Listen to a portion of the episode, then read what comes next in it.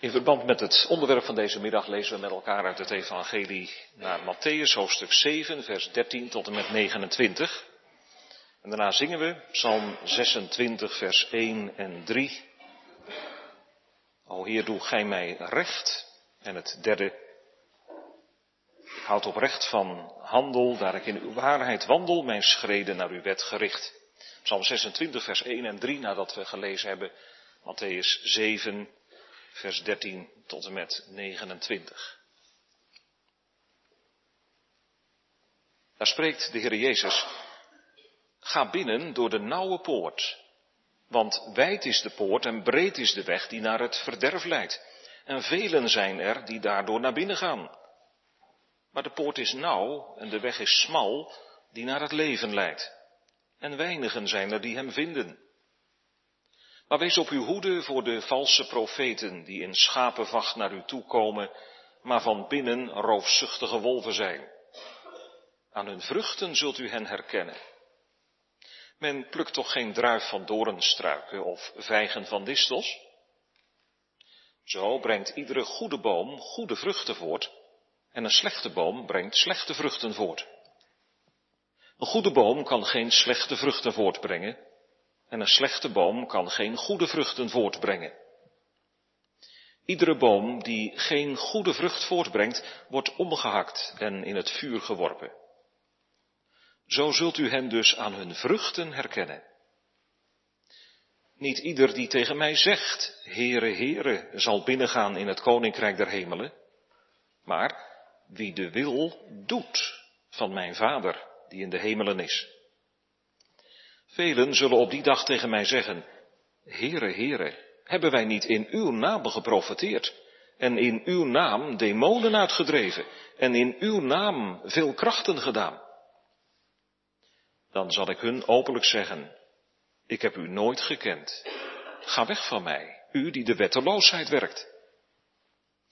Daarom, ieder die deze woorden van mij hoort en ze doet, die zal ik vergelijken met een verstandig man die zijn huis op de rots gebouwd heeft. En de slagregen viel neer en de waterstromen kwamen en de winden waaiden en stortten zich op dat huis, maar het stortte niet in, want het was op de rots gefundeerd. En ieder die deze woorden van mij hoort en ze niet doet, zal met een dwaze man vergeleken worden, die zijn huis op zand gebouwd heeft.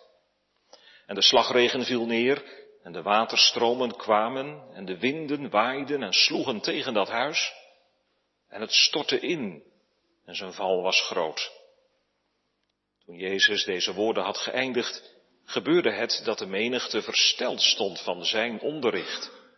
Want hij onderwees hen als gezaghebbende en niet zoals de schriftgeleerden.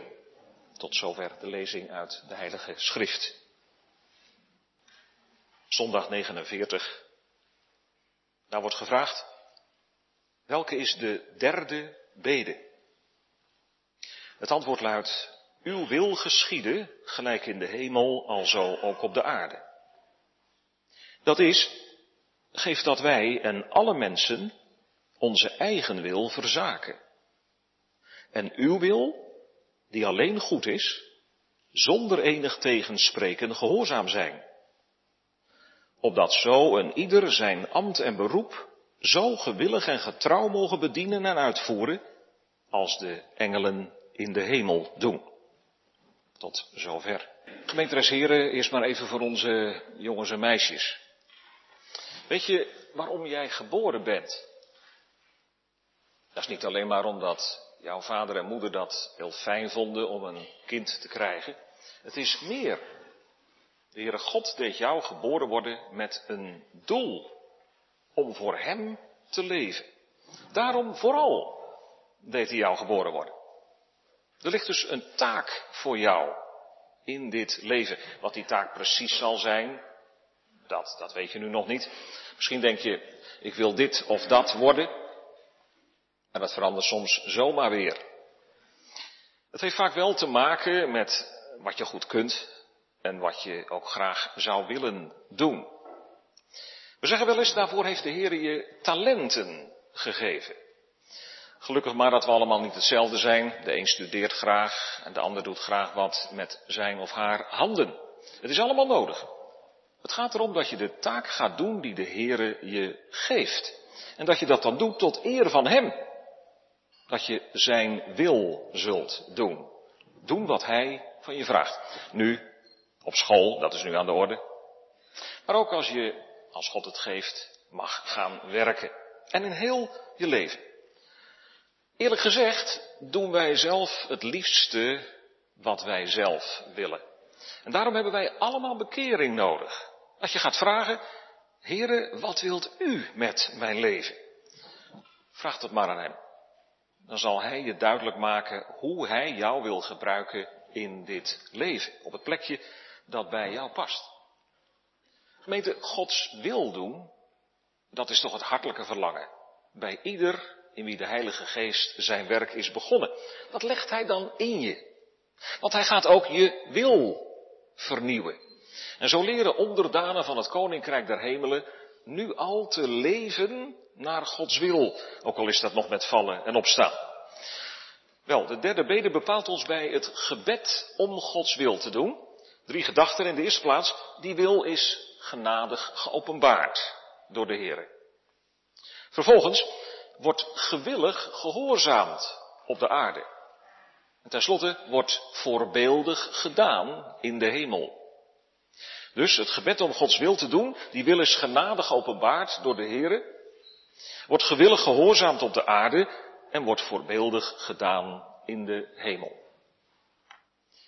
Als een zeeschip in goede staat verkeert, kan het niet zonder roer zijn. Als zo'n vaartuig op volle zee dobbert, dan drijft het niet willekeurig heen en weer, maar vaart het op het kompas, volgens een vaste koers in de richting die is voorgeschreven. Doet een schip dat niet langer? Ja, dan blijkt dat het averij heeft opgelopen op de een of andere manier. Als gevolg daarvan is het uit de koers geslagen. Nou, daarmee zouden wij ons leven kunnen vergelijken zoals het van nature is. Een uit de koers geslagen schip. Op de levenszee heen en weer drijvend. Oorspronkelijk had de Heer het roer in handen. Toen ging het goed. We voeren zuiver.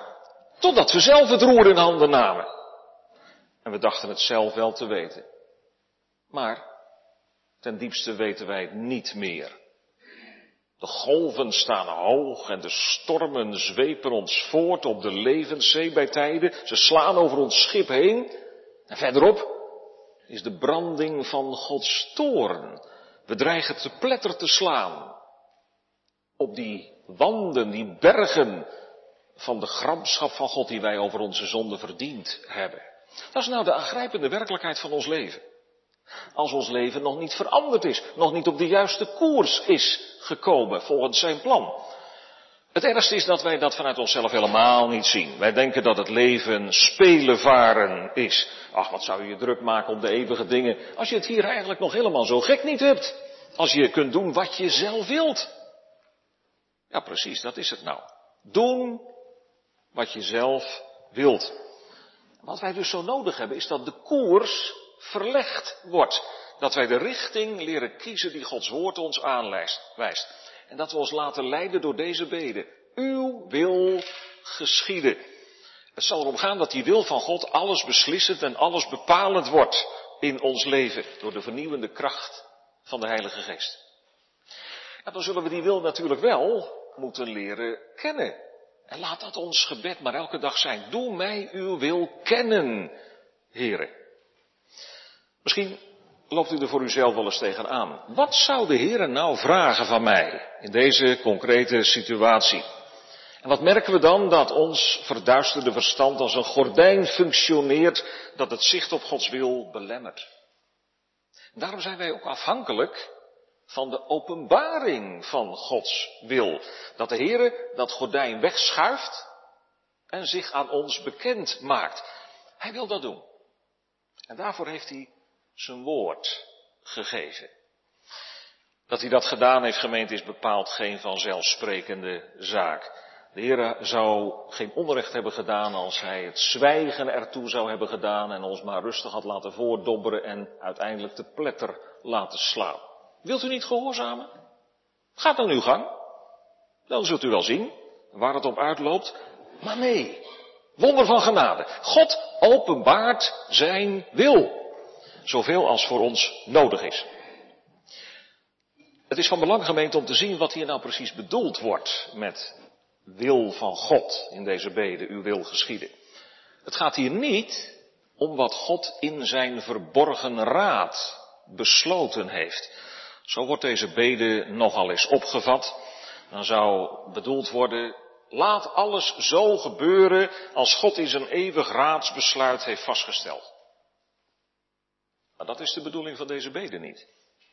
Mozes zei tegen Israël, de verborgen dingen zijn voor de Heere onze God. Maar de geopenbaarde dingen zijn voor ons en onze kinderen tot in eeuwigheid om te doen de woorden van deze wet. En dat wordt nog eens onderstreept, gemeente, als we kijken naar de plaats die het Onze Vader inneemt in het onderwijs van de Heer Jezus. We vinden dit gebed onder andere in Matthäus 6. Daar staat, dat staat daar vlak na een gedeelte in de bergrede waarin allerlei concrete aanwijzingen worden gegeven voor de levenswandel van Jezus' volgelingen. En we hebben het trouwens ook gelezen in Matthäus 7, dat hoort ook bij die bergrede. Ik wijs u even op vers 21, waar de Heer Jezus zegt, niet ieder die tegen mij zegt, Heere, Heere, zal binnengaan in het Koninkrijk der Hemelen, maar wie de wil doet van mijn Vader die in de hemel is. En ook nog eens een keer in vers 24. Daarom ieder die deze woorden van mij hoort en ze doet. Die zal ik vergelijken met een verstandig man die zijn huis op de rots gebouwd heeft. En in dat verband leert hij de zijnen om te vragen dat Gods wil zal geschieden. Dat wil dus zeggen, gedaan zal worden. Ook de opbouw van de catechismus is in dat verband veelzeggend. We hebben gezien hoe eerst alle geboden nagelopen zijn en vervolgens liep dat uit op de behandeling van de gebeden. Dus het gebod riep om het gebed. En het gebed houdt in dat je het gebod wilt gaan doen. Wat wil de Heer nou in de eerste plaats? Dat wij zullen doen. Die vraag brengt ons in het hart van het evangelie. Hij wil voor alles en boven alles dat wij geloven in de naam van zijn zoon. Dat wij ons aan het lam van God toevertrouwen tot Gods eer en tot ons eeuwig heil. Dan zijn we als die wijze man die zijn huis bouwde op de rots. En we hebben het ook gezongen met Psalm 26. Ja, zegt iemand, dus, dus dat moet ik doen. Maar er is toch ook zoiets als de uitverkiezing? God zij dank wel. Als laatste en machtige troost voor iemand die tot het geloof is gekomen. Maar je moet niet beginnen met die vraag, ben ik wel een uitverkorene? Dan wil ik stiekem toch even kijken in het plan van God. Maar dat komt mij niet toe. Ik heb te maken met wat de Heere mij voorhoudt als zijn wil. Hoor maar eens. Want de Heer Jezus zegt in Johannes 6, en dit is de wil van Hem die mij gezonden heeft, dat ieder die de Zoon ziet en in Hem gelooft, eeuwig leven heeft. En dat het daarbij gaat om ons eeuwig welzijn, dat mag heel duidelijk zijn. Dat wij in de Zoon geloven. Apostel Petrus had in dat opzicht heel goed geluisterd naar het onderwijs van zijn meester. Hoor maar wat hij later schrijft. De Heere wil niet dat enige verloren gaan, maar hij wil dat allen tot bekering komen. Begin daar maar eens mee. Daar zit al, al zoveel ruimte in. Voor elke zondaar die het hoort. Ook voor u, jou en mij. Dan mag je in al je verlorenheid je gebed er, je vinger erbij leggen in het gebed. Heren, u hebt het toch zelf gezegd. Dat het uw wil is dat ik tot de Heer Jezus kom. Dat ik op Hem zie. En dat ik in Hem geloof. Dat u mijn bekering wilt. Nou, er is plaats bij de Heer voor ieder die zo tot Hem komt.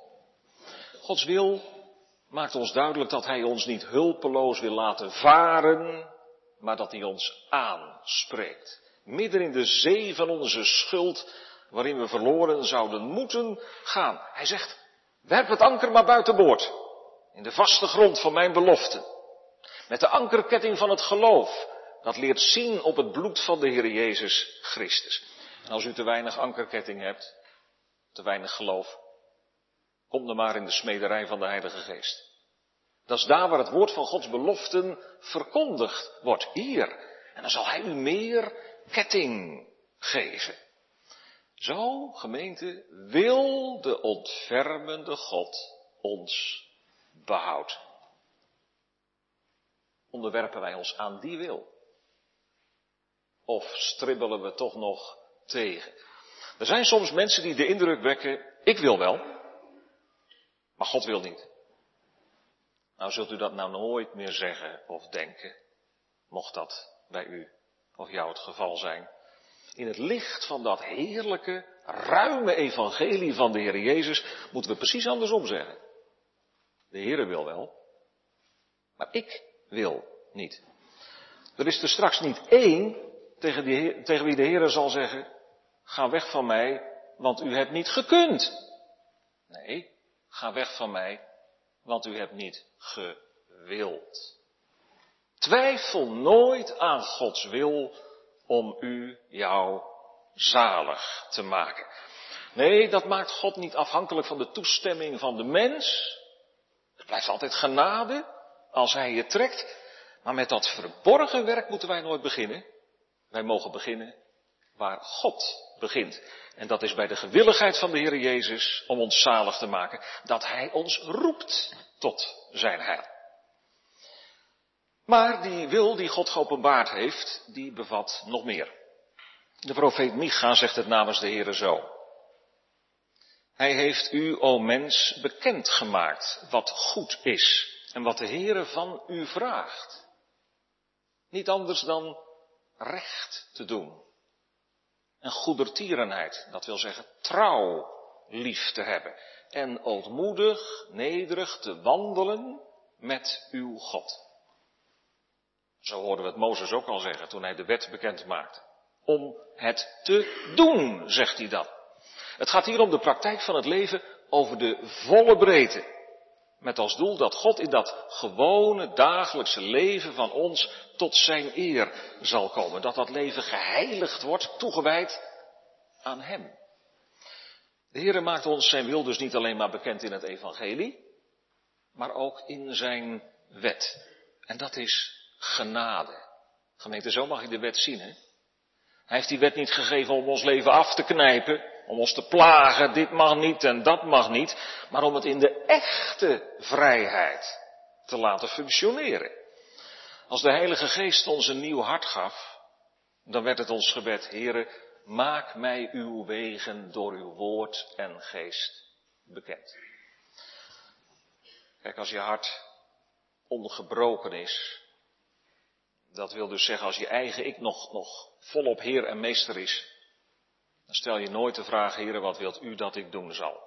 Want die vraag, dat is nou typisch de vraag van een mens bij wie de Heer te sterk is geworden.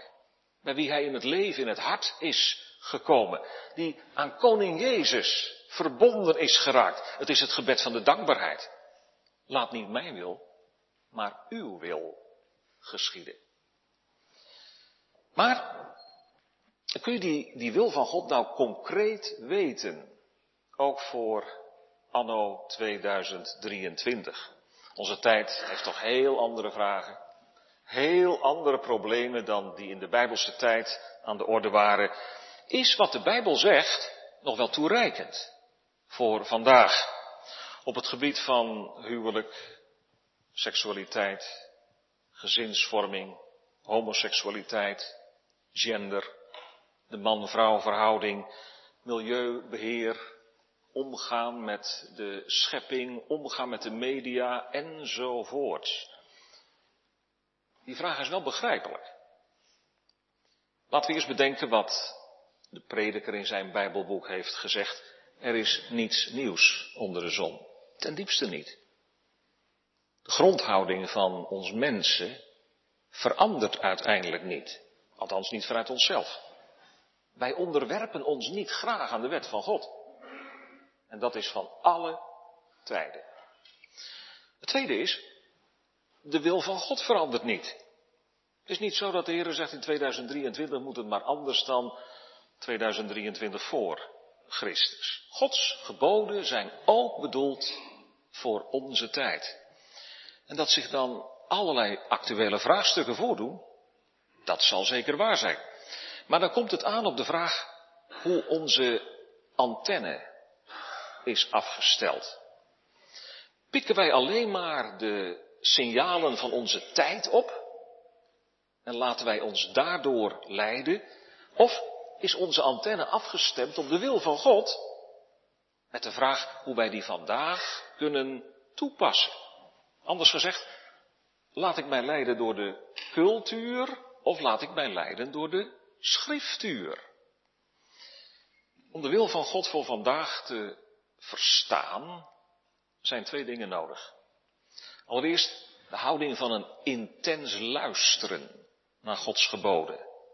Uitluisteren wat er staat. Daar heb je tijd voor nodig. Kost inspanning. En als tweede daaraan verbonden het gebed. Paulus laat die twee dingen heel mooi bij elkaar komen aan het begin van de brief aan de Filippenzen. Hij zegt, en dit bid ik. Daar heb je het, hè? Dit bid ik. Dat uw liefde nog steeds overvloediger wordt in kennis en fijngevoeligheid. Om te onderscheiden wat wezenlijk is. Opdat u oprecht bent en zonder aanstoot te geven tot de dag van Christus. Kijk, als je, als je getrouwd bent en je hebt een goed huwelijk, dan voel je aan, steeds meer, hè, dat is ook een kwestie van, van groei in je leven, dan, dan voel je aan wat die ander wil en wat die ander bedoelt. Vanuit de liefde doe je dat dan ook.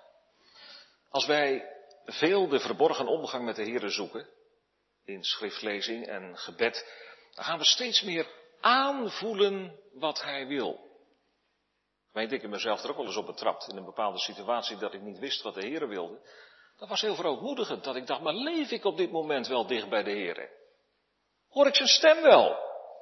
Of ben ik op afstand? En kan ik daarom niet registreren wat hij zegt? Is mijn antenne op dit moment wel goed afgesteld? Kan dus ook heel verootmoedigend zijn. Als je het niet weet, kruip dan maar wanneer weer naar de Heer toe. Heer, wilt u me opnieuw duidelijk maken? Overigens hebben we elkaar daarbij ook altijd hard nodig. Zeker vandaag. Wij staan voor allerlei problematieken waar je in je eentje nooit een antwoord op weet. En vandaar dat de Bijbel ook zegt, samen met al de heiligen.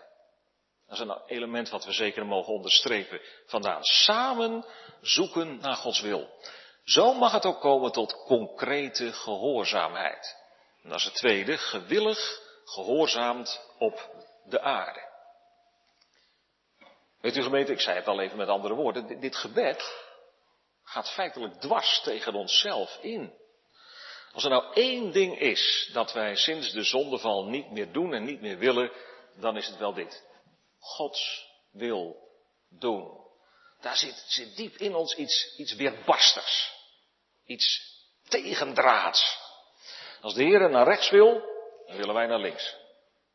En als de Heer de linkerkant voor ons beter vindt, dan neigen wij naar de rechterkant.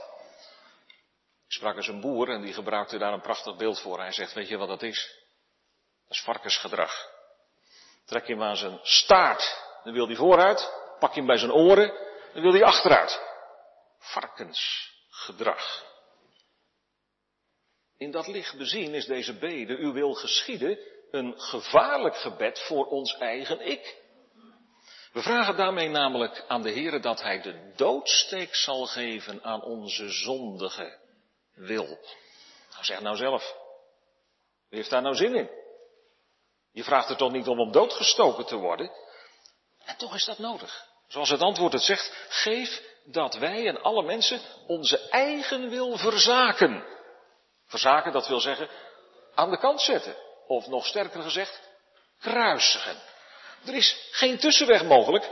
Door te gaan proberen om mijn wil te verenigen met Gods wil.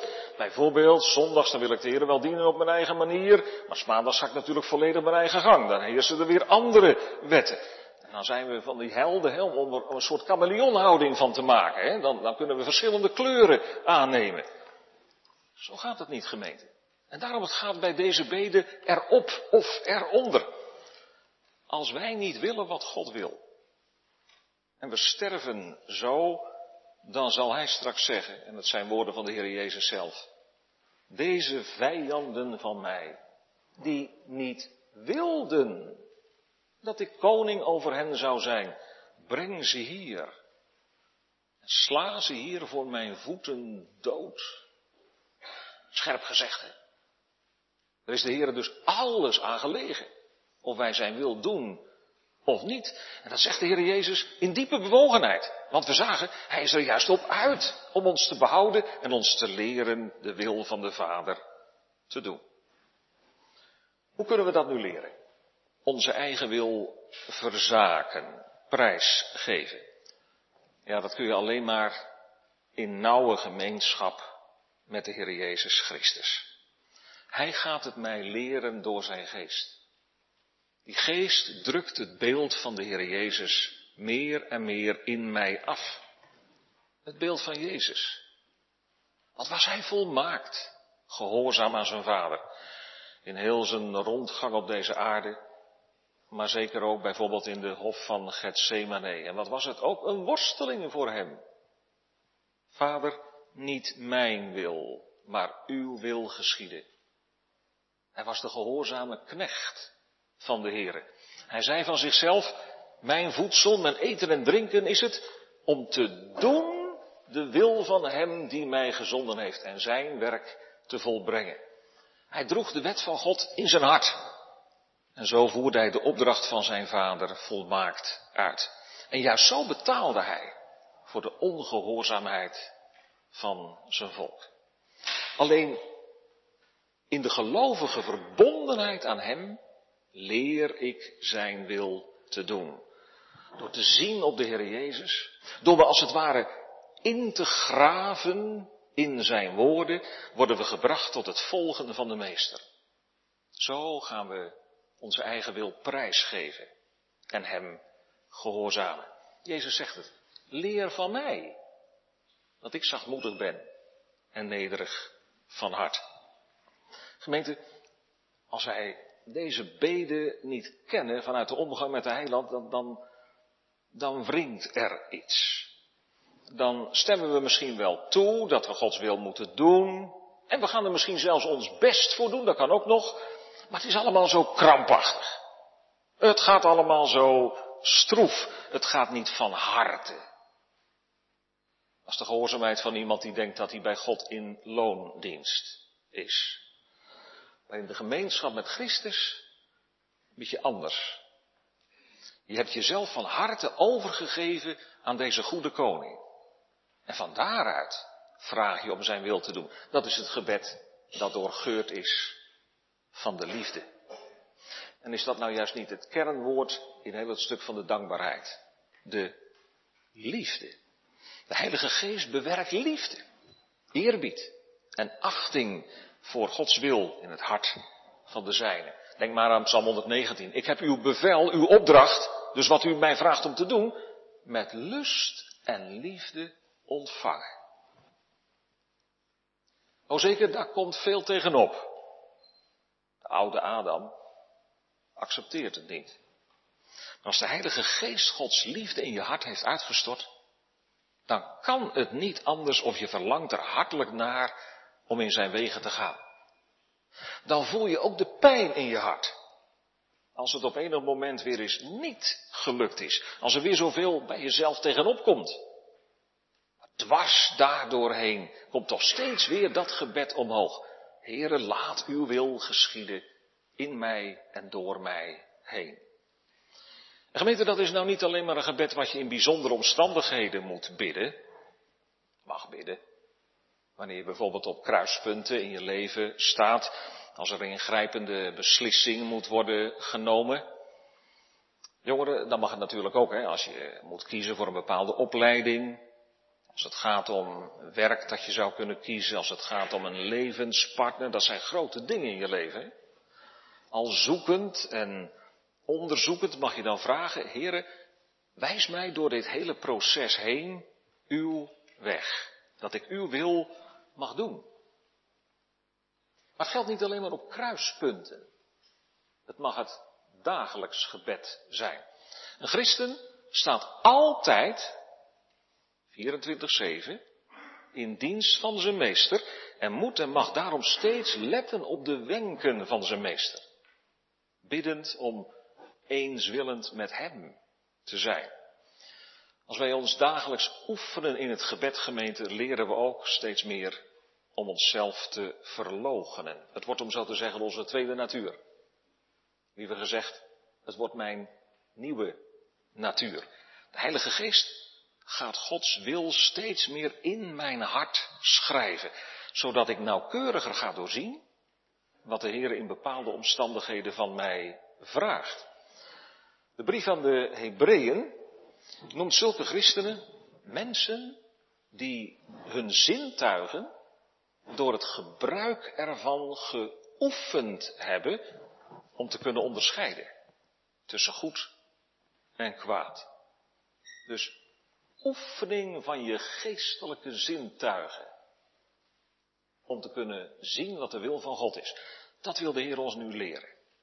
Wie dicht bij de Heer en zijn woord leeft, gaat zijn wil verstaan en doen. Wordt in die zin een geoefend christen. In allerlei praktische dingen. Het antwoord laat ons heel mooi zien dat wij deze beden mogen plaatsen in het kader van ons gewone dagelijkse leven. Ons beroep, ons werk, voor zover wij dat nog hebben. Er zijn dus niet twee terreinen, het terrein van de godsdienst aan de ene kant en het terrein van het maatschappelijke leven aan de andere kant, met een waterdicht schot daartussen. Nee, juist uit de manier waarop we ons leven van elke dag inrichten, zal blijken hoe diep onze godsdienst zit. De praktijk van het nieuwe leven wordt zichtbaar. Ook in het trouw inzetten op ons werk of in ons gezin of waar de Heer ons ook maar geplaatst heeft. In het vervullen van die roeping zijn wij bezig met het dienen van de Heer. Een christen kan per definitie geen lijntrekker zijn. Iemand die de kantjes ervan afloopt. Als kind, als jongere, ik begon er al even mee, hè, heb je een levensopdracht van de Heer gekregen. Allereerst om onderwijs te ontvangen, dus heel praktisch om nou je best te doen bij het huiswerk dat je hebt gekregen. Dat is de opdracht die de Heer je op dit moment geeft. En later komen er dan misschien wel weer andere dingen. Als vader en moeder, de zorg voor je gezin, als de Heer je dat gegeven heeft. Als bouwvakker, metaalbewerker, als accountant, als ambtenaar, als cashier, als verzorgende. Noem het allemaal maar op. Ze vervullen allemaal een goddelijke opdracht. Ja? Moet dat dominee voor worden? Nee, dat zegt dit antwoord zo mooi. Dat is helemaal niet zo. Het zit ook in die gewone dingen. Ieder heeft de roeping van God om in de positie waarin hij of zij geplaatst is, niet te doen wat hij zelf wil, maar te leven volgens de bedoelingen van de Heer prachtige woorden die we in het Nieuwe Testament tegenkomen. Alles wat u doet met woorden of met daden. Doe het alles in de naam van de Heer Jezus, terwijl u God de Vader dankt door Hem. Uiteraard beseffen we wel, gemeente, dat in onze industriële maatschappij het lang niet altijd eenvoudig is om arbeidsvreugde te vinden in je werk. Je kunt je werk als saai en eentonig beleven. Maar ook dan mag je bidden, heren, leer mij uw wil te doen op dit plekje dat ik van u gekregen heb. Geef mij de vreugde van Christus. Gewillig en trouw onze taak en ons beroep uitoefenen, zegt het antwoord. Dus niet met tegenzin, omdat het nou eenmaal moet, want er moet brood op de plank komen, maar met toewijding. Maar denkt iemand, als ik nou werk moet doen waarvoor ik ten diepste niet ben opgeleid, dat helemaal niet overeenkomt met mijn aanleg.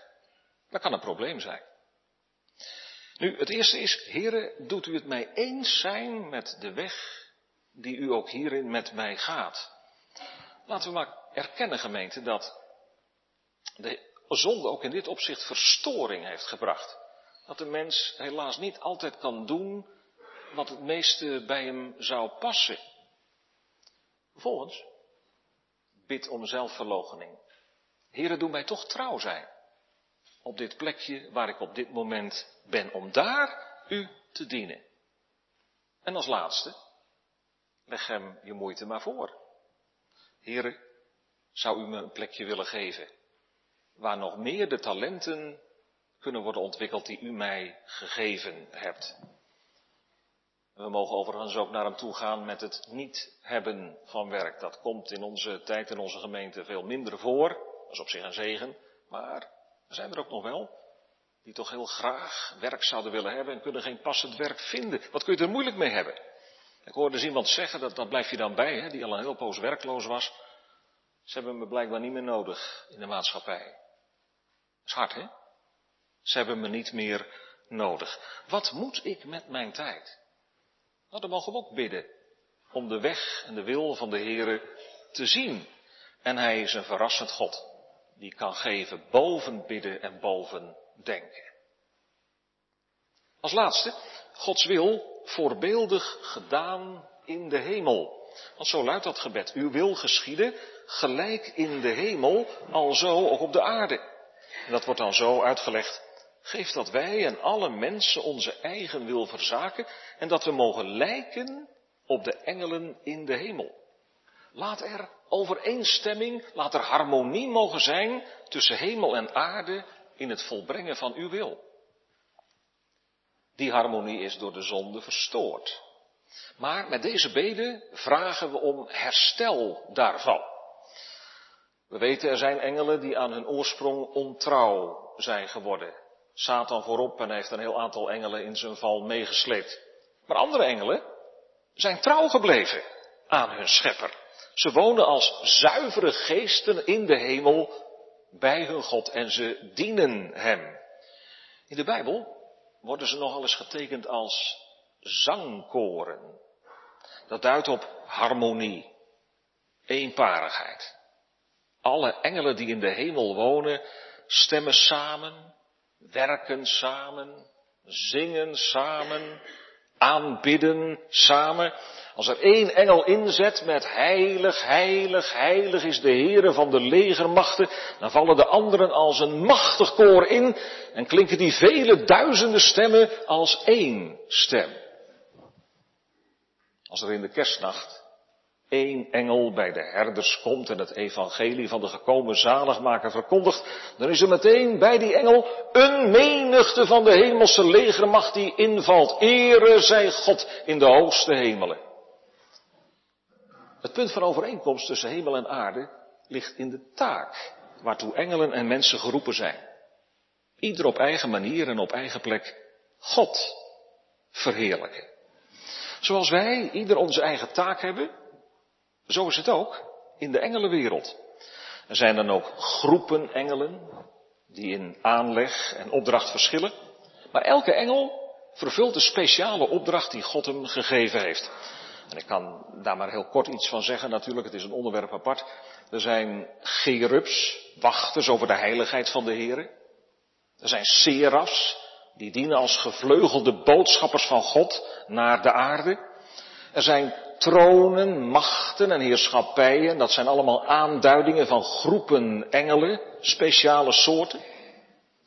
We lezen van engelen die de slapende Jacob bij Bethel omringen. Van engelen die altijd het aangezicht van de Vader in de hemel zien en over zijn kinderen waken. Van engelen die in het uur van de verzoeking steun geven. Van engelen die kracht geven voor de levenstaak.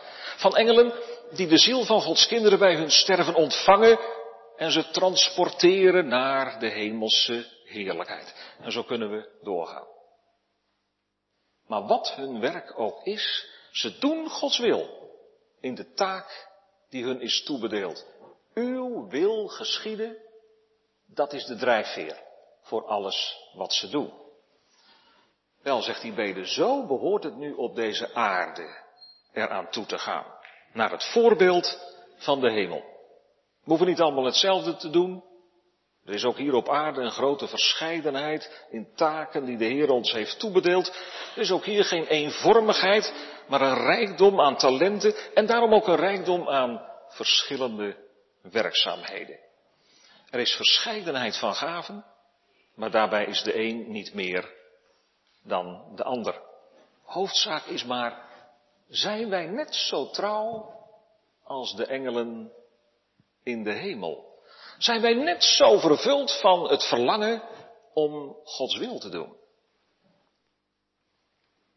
Als die slootgraver.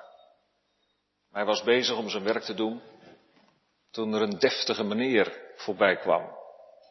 Nou, nou, fraai werk heb jij, zei die meneer. Maar die slootgraver was christen.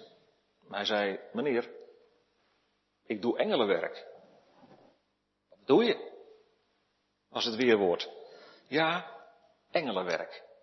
Want ik wil mijn werk op aarde net zo trouw doen als de engelen in de hemel hun werk doen.